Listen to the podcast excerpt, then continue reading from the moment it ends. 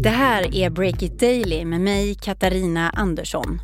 Och Breakit avslöjar idag larm om sexism och trakasserier på framgångsrika techföretaget Benify.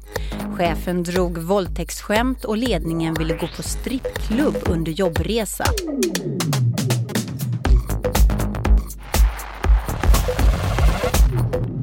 Det är tisdagen den 2 oktober you know, we have a basic responsibility to protect people's data. And if we can't do that, then, then we don't deserve to have the opportunity to serve people. Så där sa Mark Zuckerberg efter Cambridge Analytica-skandalen. Så hur många bakslag tål Facebook? I fredags blev det ju känt att sociala mediejätten inte klarar av att skydda våra personuppgifter. Igen! Så nu har Breakit anmält Facebook till Datainspektionen. Ja, bara för att se vad som händer och om GDPR-maskineriet fungerar som det ska. Mer om det hör du strax. Mitt i brinnande högkonjunktur ökar konkurserna. Det skriver Dagens Industri idag. Trendbrottet är ett bevis på att konjunkturen toppat och att vi går mot sämre tider, säger Nordeas chefsekonom Annika Winz till DI. Och så det statliga hälsotechprojektet Hälsa för mig som skrotas. Det skriver DN. Det var meningen att svenskarna skulle få enkel digital tillgång till sin hälsodata. Men Datainspektionen satte stopp för det. Och nu går hela projektet som kostat 140 miljoner kronor i graven utan att minsta app lanserats. Idag avslöjar Breakit att anställda på succéföretaget Benify slår larm om sexism och trakasserier. Det handlar om allt från tafsande chefer och råa våldtäktsskämt till föreslagna strippklubbsbesök under en jobbresa. Johanna Ekström, du är reporter på Breakit. Hur många som jobbar eller har jobbat på Benify har du pratat med innan du skrev den här artikeln? Jag har pratat med ett tiotal före detta anställda och även anställda både män och kvinnor. Mm. Hur kom du på det här då, överhuvudtaget? Fick du tips eller var det något du misstänkte själv? Det började själv? med att det kom ett anonymt tips till oss på Breakit om att vi borde kolla på kulturen på Benify. Och då började jag väldigt förutsättningslöst att eh, ja, kika på det och ganska snart märkte jag att jo men det ligger nog något i det här tipset. Okej, vi ska också säga att Benify är ju en framgångssaga på den svenska techscenen. Och de har tagit fram en molntjänst där deras kunder, det är företag som H&M, Ericsson, Volvo och Saab, samlar alla sina personalförmåner. Och där kan alltså anställda se sina erbjudanden. Det kan vara allt från massage till matkassa till exempel. Och också hålla koll på sin pension.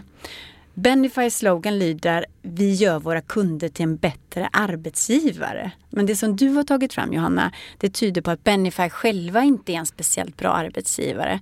Vad var det du fick fram? Kan du, kan du berätta någonting om de här historierna du fick höra?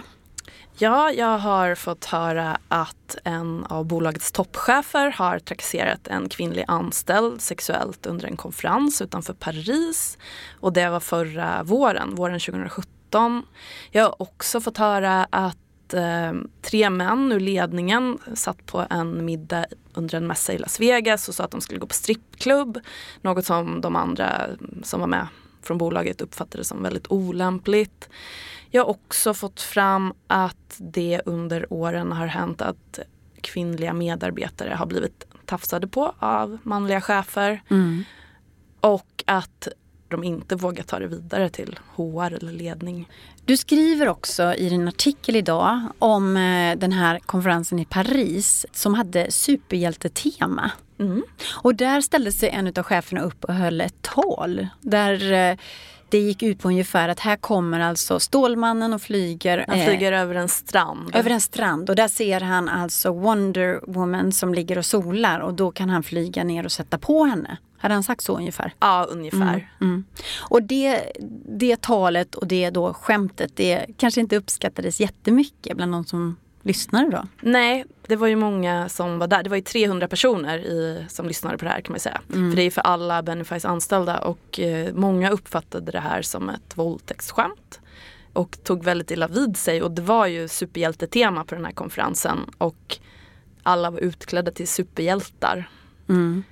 Men du har ju också lyssnat på alla de här människorna som har berättat för dig och sen så ringde du såklart upp då Marcus eh, Kullendorf, bolagets VD och medgrundare.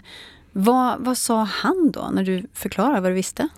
Nej, han känner inte igen bilden av Benify som ett sexistiskt bolag. Visst, lite grabbigt kanske han kan gå med på men han säger att de har 47% lönesättande kvinnor och jo, han bekräftar det här olämpliga skämtet på scen och han säger att det var väldigt olämpligt och att de har bett om ursäkt för det.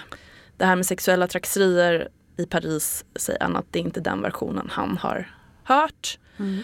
Och han säger också att eh, han fick också ha hört det här om då strippklubbsbesöket i Las Vegas. När han fick reda på det så förhörde han de här tre männen i ledningen som då bedyrade att de faktiskt aldrig gick på strippklubb. Men eh, han säger att han tog, de tog det på allvar för det är en dum grej att säga. Mm. Berättar han någonting om om företag går vidare med det här eller om man bara struntar i Breakits artikel?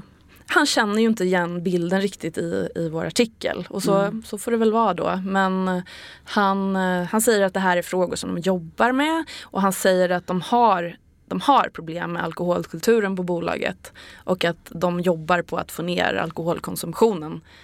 Han sa citat att alla kan inte hantera en öppen bar. Så nu kanske de inte har det längre då. Mm.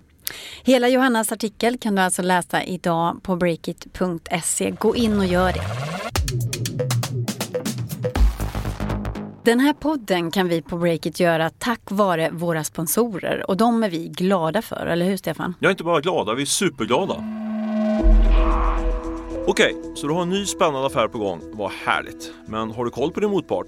Kommer han eller hon kunna betala fakturan du just på väg och skicka iväg? Det är den här frågeställningen som kreditupplysning.se eh, ger dig svar på. Med ett företagsabonnemang hos kreditupplysning.se kan du se inkomst för privatpersoner helt anonymt. Du kan dela abonnemanget med kollegor på företaget utan att de här kan se vem du just har sökt på. Och råkar du stava fel eller bara skriva in delar av gatunamnet när du söker. Inga problem alls, denna marknadsledande sökmotor hittar rätt ändå. Så ge dig själv ett försprång med en riktigt bra kreditupplysningstjänst. Lycka till med dina affärer och läs mer om det här på kreditupplysning.se.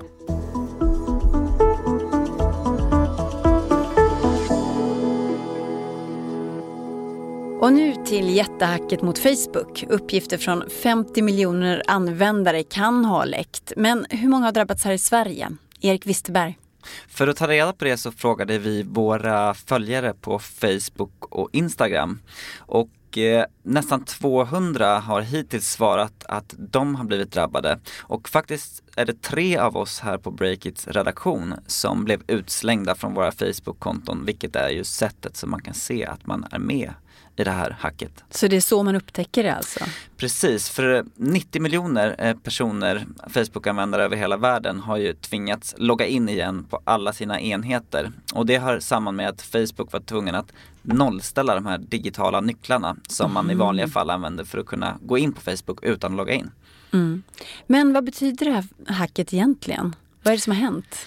Det otäcka är att vi vet ju ännu inte om eh, till exempel min data, mina privata meddelanden på Messenger, mina bilder jag skickar till folk, om de har blivit nedtankade. Men dörren har stått vidöppen. Det är ju som att man hade gått hemifrån på morgonen och lämnat eh, larmet av och dörren öppen. Vem som helst kan ju gå in där och hämta någonting då. Och det är så de här hackarna kunnat göra. De har kunnat använda mitt konto precis som om det vore jag som använder det. Mm.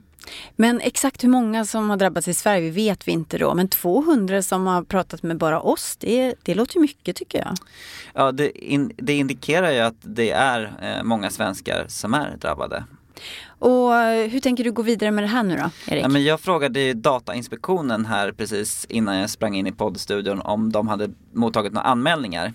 Och det hade de inte gjort. Och då tänkte jag, men vi kanske ska anmäla Facebook för att se hur de hanterar den här saken. För GDPR är ju nytt och det är stora böter inblandade.